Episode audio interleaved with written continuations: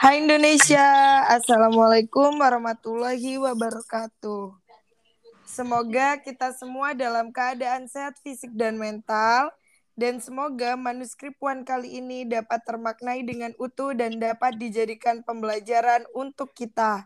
Enjoy it and let's discuss. Oke. Oke, eh, kalau misalnya sesuai dengan waktu kita rekaman, saya mau mengucapkan selamat sore sih buat para pendengar. Eh, sebelumnya di sini kembali lagi bersama kami Siniar Puan. Tetap bersama saya Nuzul dan di sana Ada saya Iva. Woi, di sana Oke. ya. iya kan kita nggak jadi satu sekarang. Huh, kesannya. Oke, oke.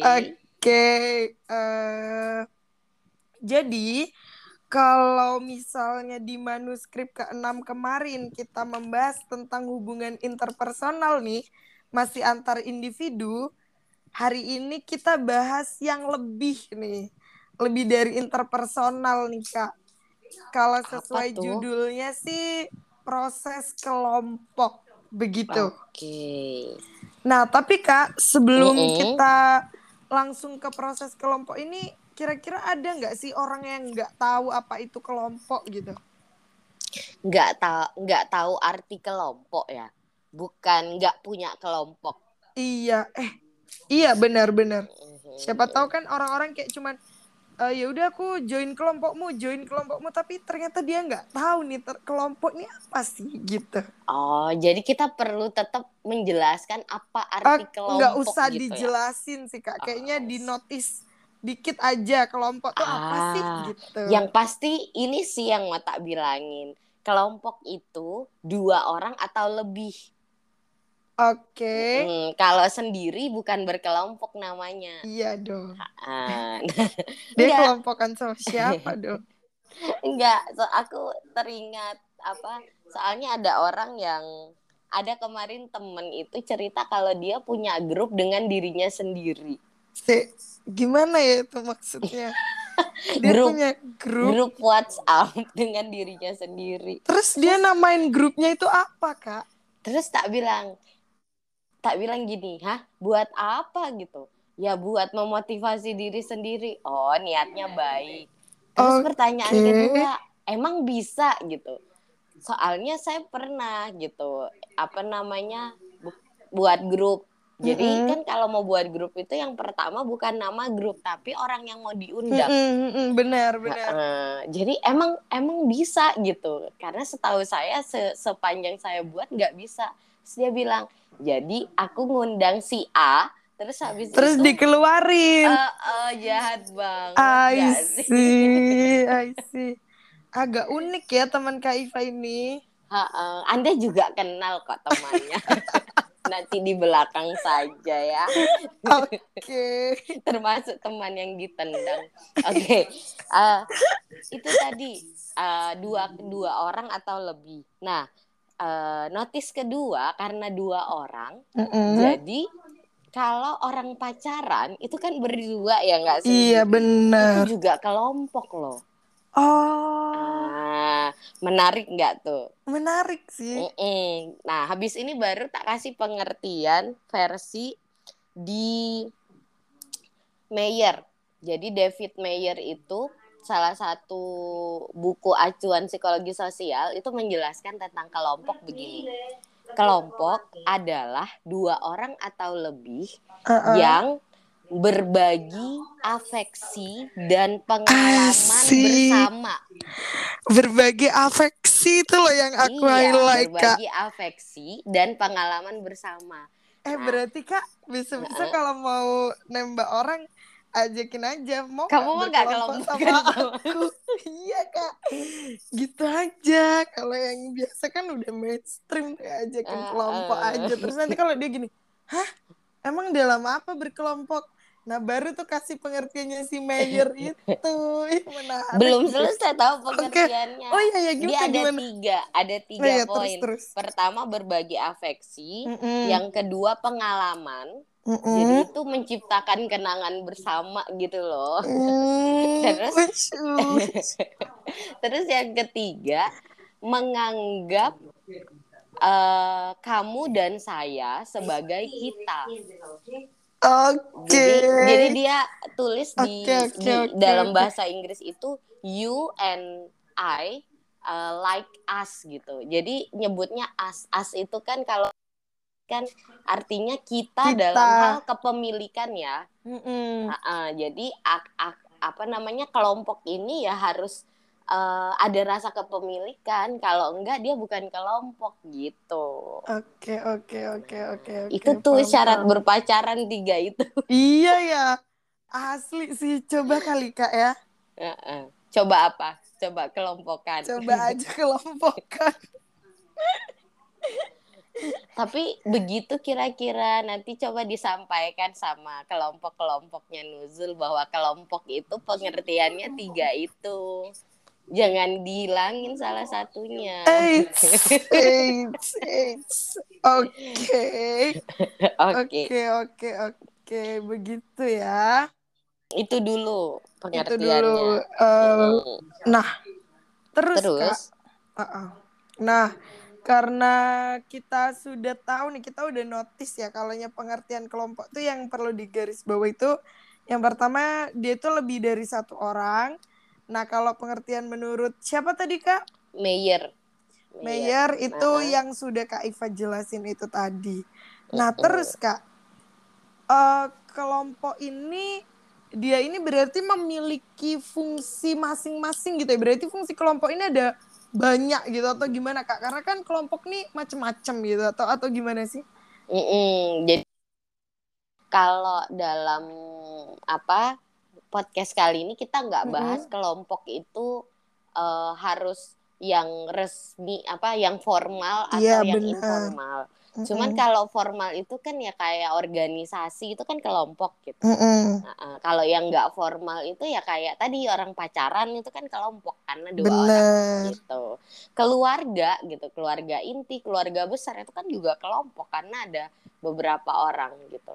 Iya bener. Uh, jadi uh, banyak aja sih setting-setting kelompok. Nah, karena kelompok ini uh, adalah sesuatu wadah gitu. Artinya Mm-mm. dia punya fungsi gitu. Mm-mm. Nah, ada beberapa sih fungsinya atau kenapa sih orang uh, berkelompok gitu. Jadi Iya, kelompok benar. ini berfungsi uh, yang pertama sebagai peran dan status.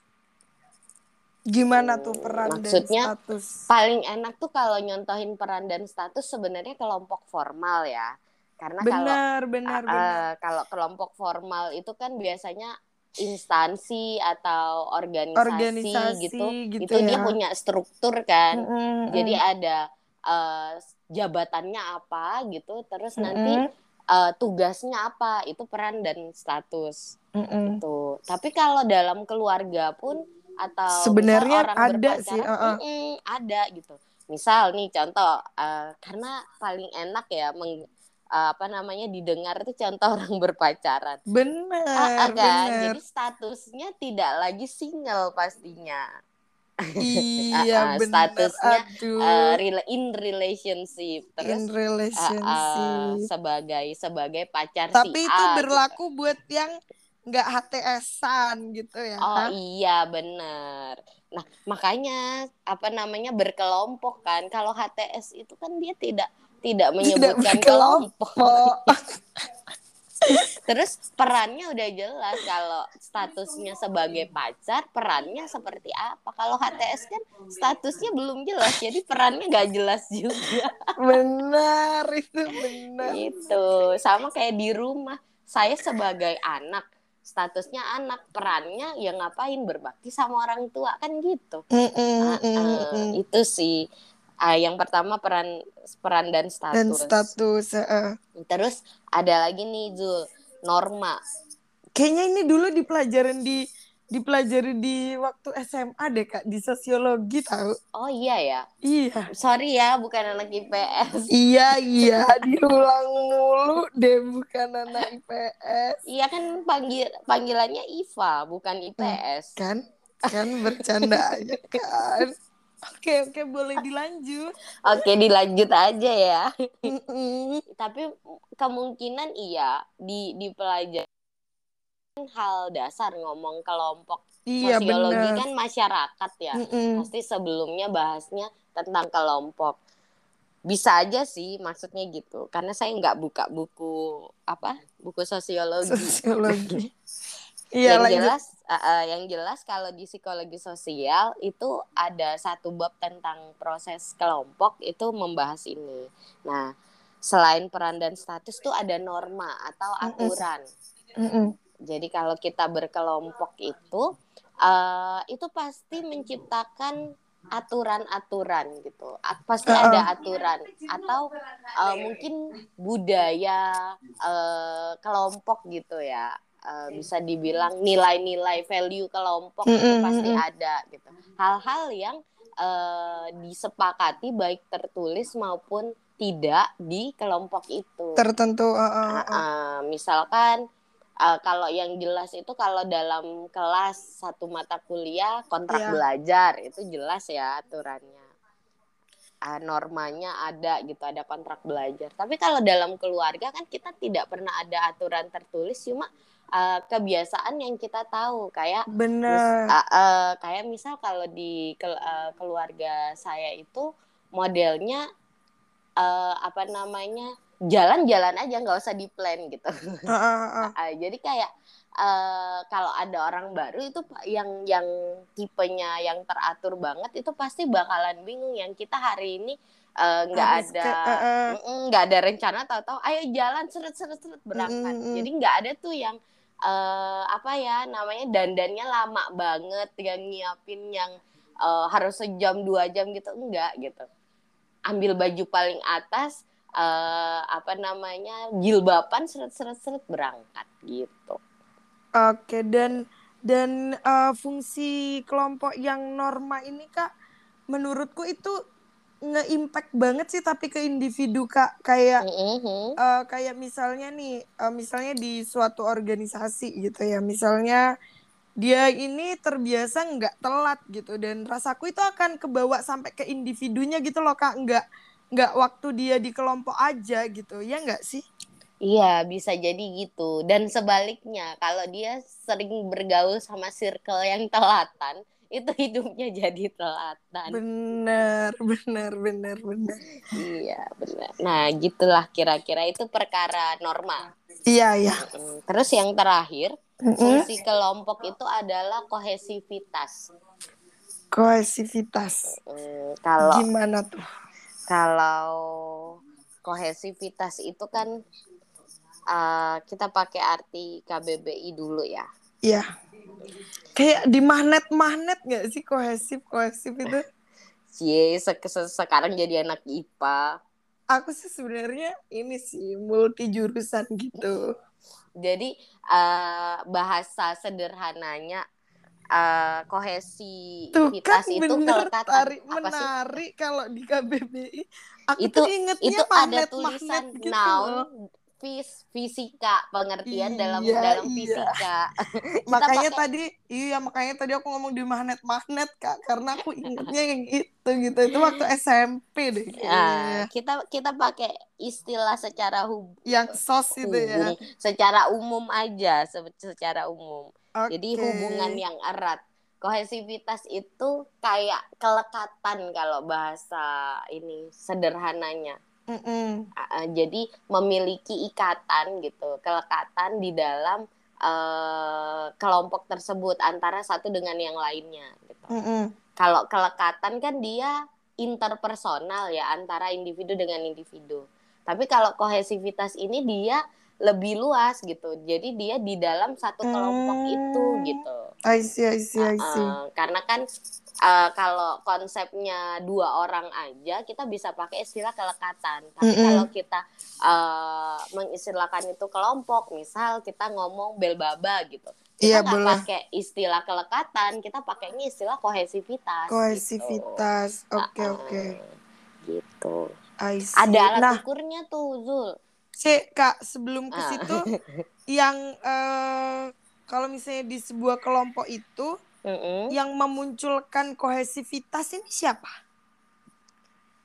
Yang memunculkan Maksudnya kan ini kan fungsi ya. uh, uh, uh, Berarti kohesivitas ini muncul dari individu-individu yang ada di dalamnya atau budaya suatu kelompoknya atau gimana nih?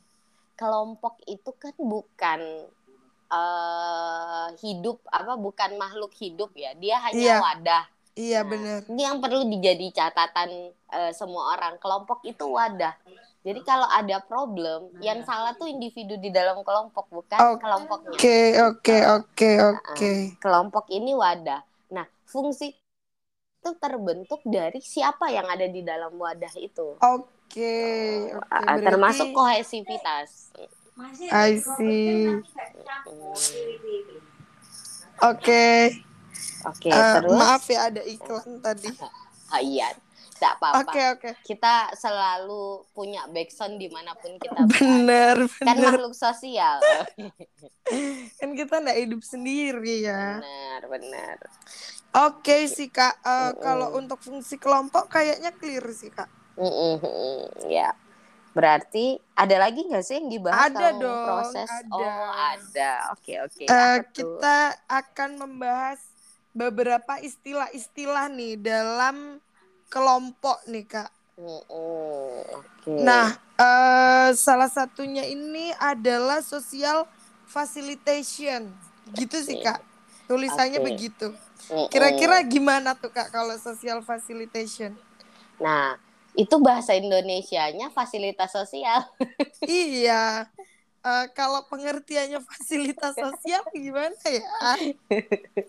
Iya, kalau ngomong fasilitas kan yang terbayang di kita hal-hal yang membuat kita nyaman ya.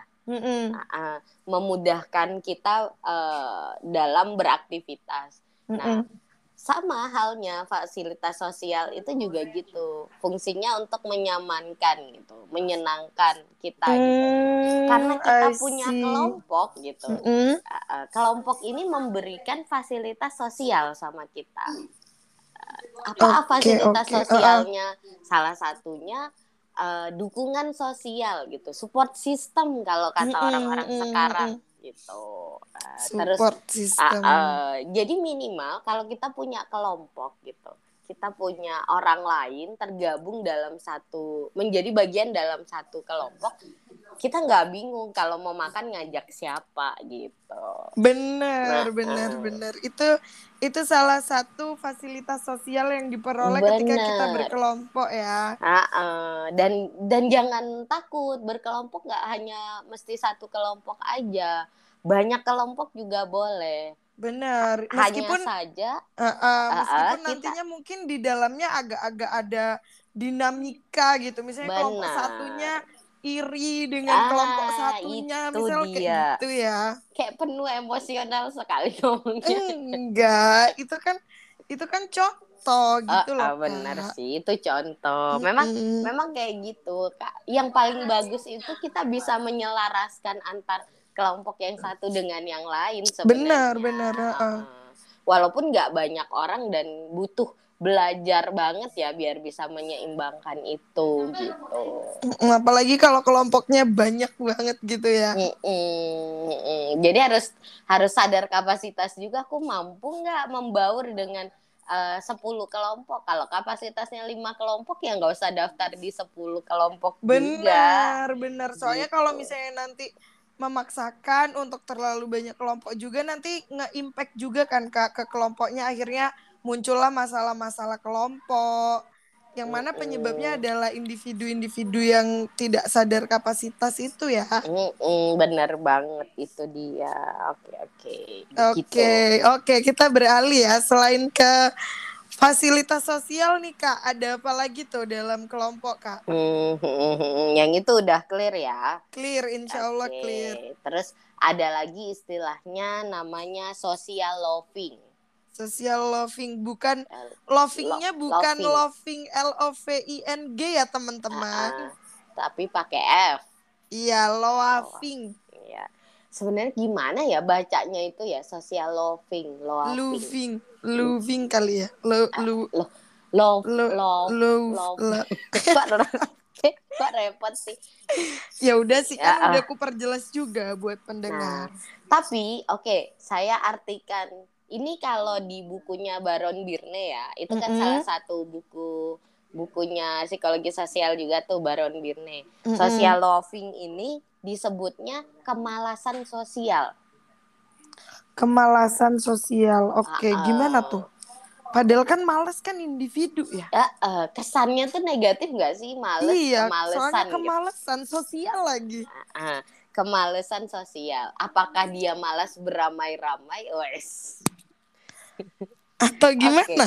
Hmm, Nah, jadi kemalasan sosial ini sebenarnya aku kurang serk sih nyebut kemalasan sosial. Cuman aku ngerti kenapa sampai namanya kemalasan. Mm-mm. Ah, ah, secara pengertiannya social loving ini ketika eh, apa seseorang menganggap tanggung jawab personal tidak Mm-mm. perlu di dalam suatu kelompok.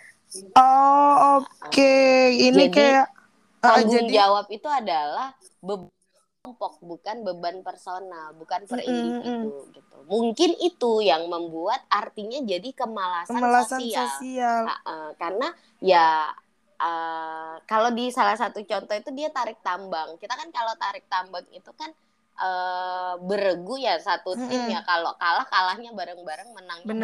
bareng-bareng dan tidak semua orang perlu berpartisipasi untuk menarik tambang itu. Kalau yang narik cuma dua orang di belakang aja gitu ya, Heeh, di depannya nempelin tangan aja itu sudah kerja bareng-bareng namanya. bener. Gitu. Itu dia makanya Mungkin contoh sosial. lain itu kayak misalnya di kelas gitu ya kak ya. Mm-mm, Misalnya kan kelompokan gitu tuh. Nah, mm-mm. jadi misalnya ada individu yang merasa ya tanggung jawabnya itu merupakan tanggung jawab ini kelompok gitu. Jadi dia Uh, tidak eh, misalnya dalam suatu kelompok yang misalnya ini kelompokan gitu ya udah dia mikirnya ya udah ini mah eh, kalau misalnya aku nggak ngerjain yang kena tetap kelompok yang kayak gitu-gitu nggak sih uh, kak? uh, karena nilainya kan dikasih Nilai buat nilai kelompok, kelompok uh, uh. gitu. Mau uh, aku cuma ngeprint doang nilainya sama juga sama Kelompok, teman yang uh, uh, presentasi benar, gitu. benar, benar. Tapi bener sih kalau misalnya untuk contohnya begitu eh, masuk sih untuk misalnya artinya loving apa tadi social loving gitu. Uh, uh. Nah itu Oke. uh, uh, karena apa namanya itu ya di, ada juga di sekitar kita sama aja kayak social facilitation tadi gitu. Sometimes kelompok itu me- me- mendukung kita, tapi sometimes kelompok itu memberatkan kita gitu. Benar, benar, benar, benar, benar. Itu sih, oke. Oke, Terus ada lagi nih istilah lain. apa tuh? Ini tuh beberapa waktu kemarin itu sempat kita sebut-sebut Tersinggung, Ah, iya. ah, ter- tersinggung, marah dong. maksudnya, maksudnya tersinggung untuk membahas ini. Kita, kita notice gitu ya. Iya, maksudnya ternotis deh, diganti Ah, ah. deh. Nanti ada yang nggak tahu bahasa Inggris gimana? Ya udah ter ter terbahas, terbahas. Oke. Kayak main kata ya jadi seneng. Oke, jadi memang istilahnya apa tuh? Istilahnya adalah deindividuasi. Oke, deindividuasi. Ini juga eh, istilah yang dipakai ketika berkelompok gitu. Mm-mm. Jadi eh, tidak memi kalau bahasa apa? Bahasa harfiahnya deindividuasi itu tidak punya identitas individu, identitas personal gitu. Hmm. Kan D itu eh, menyatakan tidak gitu. ya. Tidak, uh-uh. Eh, ketiadaan terus individuasi. Jadi tidak punya identitas in- indi- identitas personal gitu. Itu Mm-mm. dia individuasi. Maksudnya gimana tuh nggak punya identitas personal?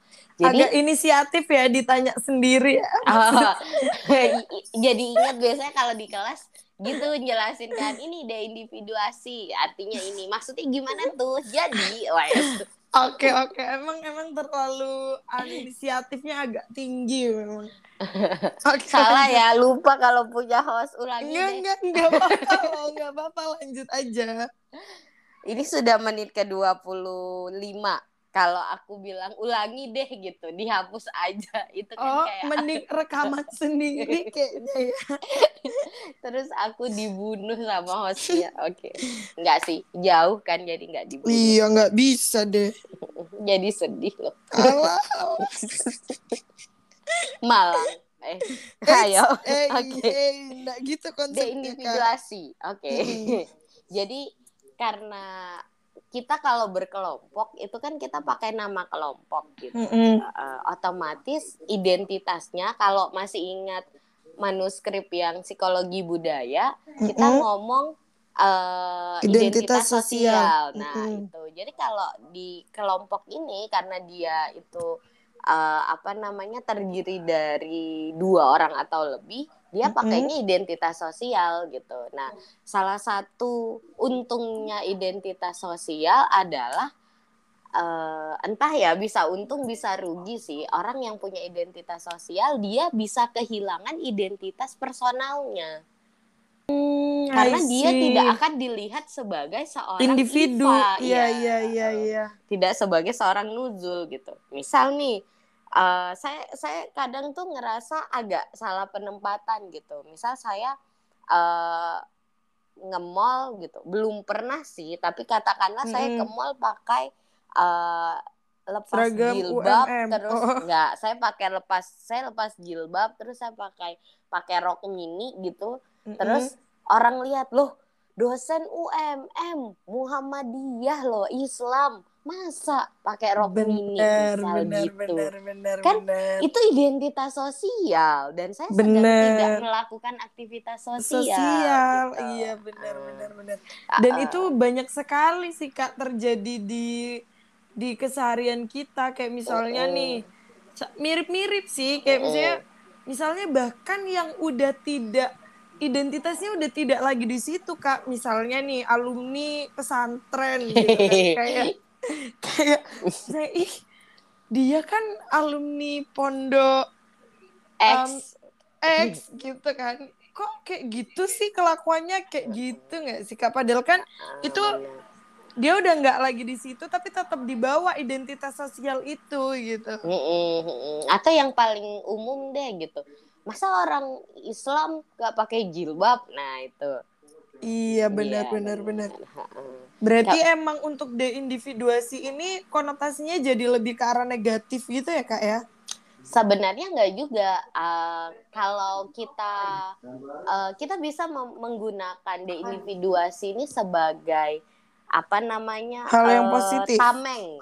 Mm-mm, tameng. Uh, jadi kita memanfaatkan ini sebagai karena uh, saya adalah uh, kita membawa nama kelompok gitu bukan nama nama individu gitu Mm-mm, misal kayak uh, kalau kita mau bikin event kegiatan gitu mm-mm, Eh, kalau kita bikin kegiatan oh bukan kegiatan deh Eh, saya mau bikin penelitian kalau mandiri terus ngajuin proposal kerjasama ke mm-mm. eh, apa namanya perusahaan X gitu minta men- mendanai saya sebagai personal saya itu kan Mm-mm. Kayak lu siapa sih minta-minta anaknya benar benar. presiden per- eh anaknya anak menteri kali. direktur gitu. Eh, eh, Ah, eh. ah, nah gitu kan. Bukan siapa-siapa tapi kalau misal saya bawa eh, nama nama instansi ah, atau saya eh, ini eh. dosen di eh, psikologi UMM gitu. Terus saya ngajuin proposal. Kan itu itu saya me- deindividuasi sebenarnya. Saya tidak Benar, menjelaskan benar, siapa benar. saya. Saya menggunakan identitas kelompok Sosial, saya ah, gitu. ah. Nah itu itu bisa gitu. Itu sama halnya dengan orang-orang gitu. Yang lagi nongkrong di pinggir jalan itu lebih berani godain cewek lewat kalau lagi bareng-bareng Berkelompok, ah, gitu. ah, ah, Catcallingnya kan akan dilihat sebagai banyak orang di sana, bukan dia sebagai personal, tapi kelompok tongkrongan ini sering catcalling gitu. benar benar benar benar. Oke, I see. Jadi sebenarnya deindividuasi ini tidak hanya konotasi negatif, tapi Mm-mm. tergantung bagaimana kelompok itu atau individu yang ada di dalam kelompok itu Menggunakan. mampu uh, uh, benar mampu menggunakan dengan bijak gitu sih ya kak ya benar benar. Ya kalau dia gunakan dengan jahat kan bisa aja juga sih. Uh, iya misalnya penipuan gitu kan uh, mengatasnamakan gitu. uh, uh, benar benar Nah, benar gitu deh pokoknya. Oke, kayaknya kalau misalnya dari pembahasan kita tentang proses kelompok ini cukup sih kak, cukup Oke. jelas juga. Atau mungkin ada tambahan lagi dari Kak Iva? Tambah apa ya? Tambah nasinya satu bang pakai telur Eh, saya enggak lagi eh, jualan salah ya ya. mbaknya. Oke, salah salah. Nggak ada sih. Inti poinnya ada di situ sih. Sebenarnya ada juga eh, kalau ngomong kelompok seperti biasa eh, di catatan memang saya nggak ngasih banyak Semuanya, teori. iya. Hmm.